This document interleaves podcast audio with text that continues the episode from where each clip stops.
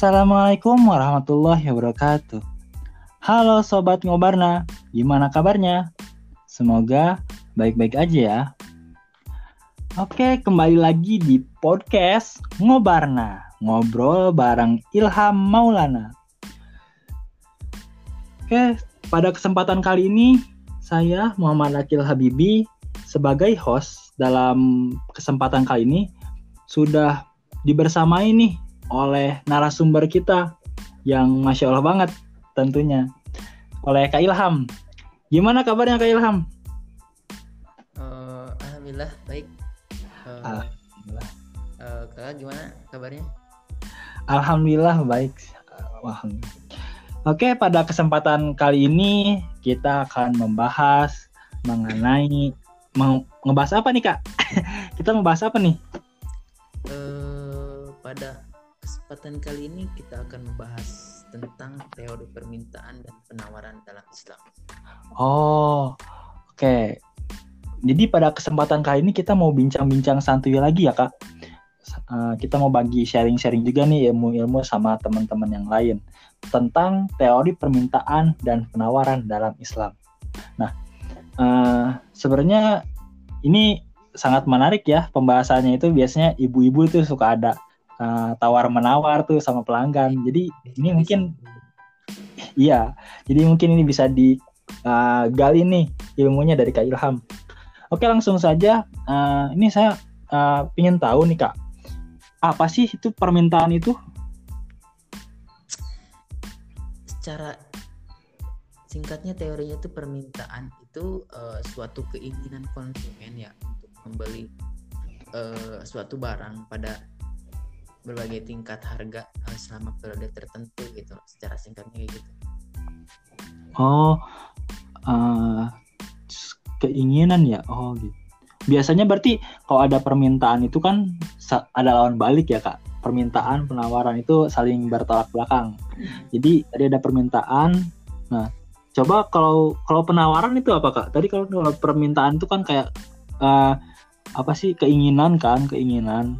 Biasa permintaan itu keinginan. Nah, kalau penawaran itu apa tuh kak?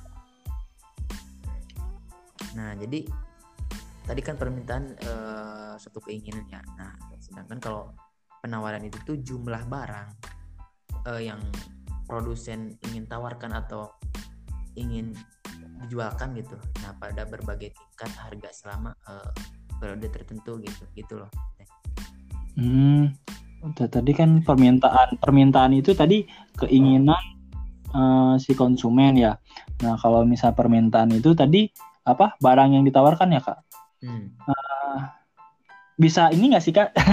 ini kan uh, saya masih agak kurang kurang apa kurang paham gitu bisa tolong dijelasin lagi nggak sih maksudnya tuh gimana gitu spesifik gimana gitu. nah jadi gini nih uh, secara teori ya tadi nah ada jadi hukum ada nih hukum permintaan dan penawarannya juga oh nah, ada hukumnya juga kak ada oh jadi hukum permintaan itu sendiri tuh kayak uh, kuantitas barang atau jasa ya, yang orang bersedia membelinya gitu pada uh, berbagai tingkat harga dalam uh, suatu periode waktu tertentu gitu.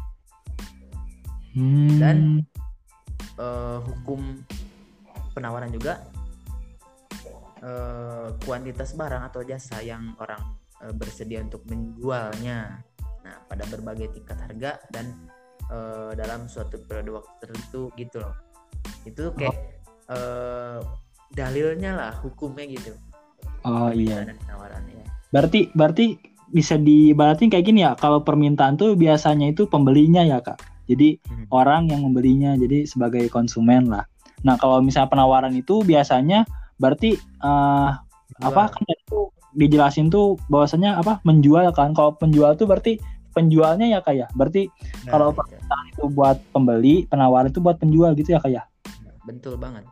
Oh gitu. Uh, kan tadi udah dijelasin tuh kak permintaan sama penawarannya gitu.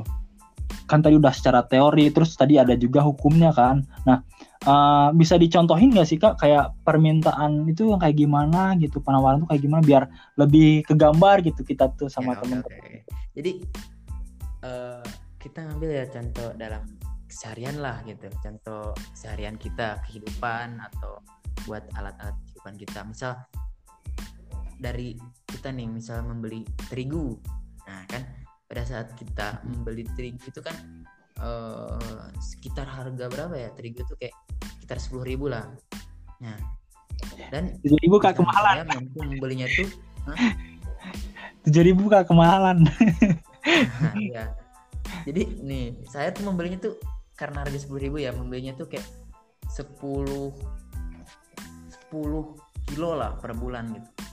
Kemudian pada saat harga si terigu itu tuh naik nah menjadi misalnya tadi sepuluh ribu ya. Jadi dua belas ribu lah gitu.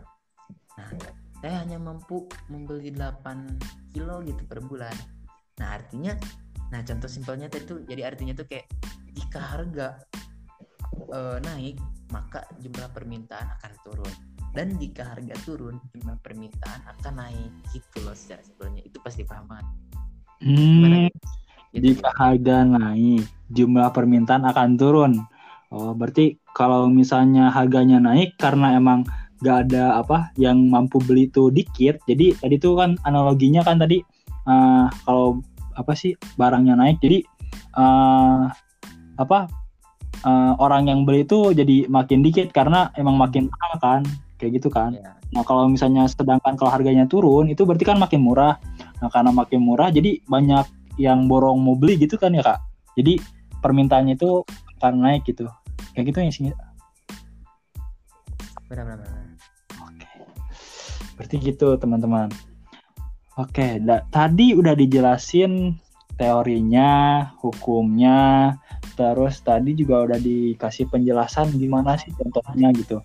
Nah, sekarang uh, kan itu uh, terjadinya permintaan itu kan ada pasti ada faktor yang mempengaruhi ya kayak. Ya? Nah, kira-kira apa sih faktor yang mempengaruhi terjadinya sebuah permintaan gitu kak? Oke, jadi so pastinya ya pasti ada yang mempengaruhi ya, dan faktor-faktornya itu uh, agak lumayan gitu banyak lah yang pertama uh, harga barang itu sendiri maksudnya tuh kayak yang tadi no di awal dikatakan jika harga suatu barang semakin murah nah maka permintaan uh, terhadap si barang itu tuh akan bertambah gitu hmm. jadi yang tadi awal ya. Dan sebaliknya gitu. Oh iya. dan selanjutnya itu ada faktor uh, harga barang lain yang terkait. Maksudnya tuh kayak uh, keterkaitan dua macam barang. Nah dapat bersifat uh, pengganti gitu. Dan bersifat uh, tambahan. Misalnya nih uh, barang substitusi dari daging sapi yaitu hmm. daging ayam atau ikan gitu gitu. Selanjutnya uh, faktornya itu tingkatan pendapatan per kapita. Itu uh, apa ya tingkatan pendapatan per kapita itu di sini maksudnya tuh dicerminkan dengan daya beli lah. Nah, makin tingginya tingkat pendapatan uh, daya beli dan uh, makin kuat itu tuh. Sehingga permintaan terhadap suatu barang itu meningkat gitu. Hmm. uh, selanjutnya faktor yang mempengaruhi itu yang keempat hmm, selera dan kebiasaan. Nah, karena hmm. udah seleranya gitu walaupun harga barang itu sama uh, tetapi minat uh, terhadap barang itu tuh kurang. Contohnya nih dalam pasar uh, ada penjual apa ya beras gitu dan jadi beda beda beda merek gitu. Nah harga dari kedua beras berbeda merek itu tuh sama akan tapi masyarakat sama gitu. Tetapi masyarakat lebih memilih beras dengan merek yang pertama. Misal mereknya tuh kayak apa ya merek merek beras tuh kayak gimana ya? Merek merek uh, ada beras pandan gitu. ya, pandan. Nah gitu. itu pandan ya. Meskipun oh, si jadi... merek itu tuh ada dua merek nih tapi si pembeli tuh udah ke merek pertama ya pasti merek pertama gitu daripada merek yang kedua gitu. karena udah terpercaya gitu ya kayak ya? jadi seleranya udah ke sana enak juga gitu ya nah. selanjutnya faktor yang mempengaruhi itu jumlah penduduk Nah, jumlah penduduk tuh memiliki peran Hmm. penting gitu pada kegiatan permintaan. Ya, dikarenakan semakin banyak eh, penduduk, ya semakin pula banyak permintaan gitu ya. Otomatis banyak kebutuhan Ya. Eh, dan selanjutnya eh, pengaruhnya itu perkiraan harga di masa yang mendatang. Maksudnya gimana nih? Jadi gini nih, apabila kita eh, memperkirakan harga suatu barang itu akan naik, maka lebih baik eh, membeli barang itu sekarang, gitu loh. Dilihat, oh barang itu tuh akan naik ya suatu saat. Jadi kita tuh langsung beli. Gitu. Nah sehingga itu tuh mendorong orang untuk membeli lebih banyak barang. Gunanya Hmm. tuh eh, buat menghemat di masa yang akan datang gitu. Bukan bukan menimbang ya, tapi perkiraan kita nah, set, gitu. Selanjutnya eh, apa ya distribusi pendapatan. Nah di sini jika distribusi pendapatan buruk, nah berarti daya pembelinya itu akan melemah sehingga eh, permintaan terhadap barang juga itu akan menurun gitu. Dan yang terakhir nih eh, usaha produsen meningkat gitu loh, meningkat. Jadi usaha-usaha produsen itu meningkatkan penjualan. Maksudnya di sini Hmm. usaha-usaha yang dilakukan agar eh, permintaan pada suatu barang itu tuh meningkat eh, dengan cara eh, yang tadi no buat promosi atau pengiklanan itu ya itu Oh. loh eh, faktor-faktor yang mempengaruhi Oh gitu ya kak. Jadi eh, banyak sekali ya faktor yang mempengaruhi permintaan itu ya kak. Oke mungkin tadi ada faktor kan yang mempengaruhi permintaan. Nah begitu juga kan penawaran juga pastinya ada faktor yang mempengaruhi ya kak ya. Nah jadi eh, apa tuh kak kira-kira faktor yang mempengaruhi penawaran itu biasanya? nah faktor-faktor yang penawaran itu yang simpel aja ya ada ada empat lah pertama Hmm. biaya dan teknologi jadi lanjut aja ini jadi yang pertama biaya dan teknologi yang kedua itu jumlah penjualan dan yang ketiga itu eh, dugaan masa depan dan yang terakhir kondisi alam itulah secara ada empat lah faktor-faktor yang mempengaruhi penawaran tersebut Hmm, iya jadi ada tadi biaya dan teknologi itu pasti ya mempengaruhi banget ya. Apalagi teknologi itu mempengaruhi banget tuh penawaran. Ngaco. Oke, ah, sebelumnya, aduh terima kasih kak ya ah, telah menemani kita nih di ngobarna gitu. ya Ah, pada kesempatan ini gitu. Masya Allah banget tadi banyak sekali ya uh, ilmu-ilmu yang digali gitu tadi dari mulai ada uh, apa sih teori permi- permintaan dan penawaran itu apa sih? Nah terus dari tadi jelasin juga ada hukumnya malah terus ada uh, faktor-faktor sampai contohnya juga dijelasin, masya Allah banget ya.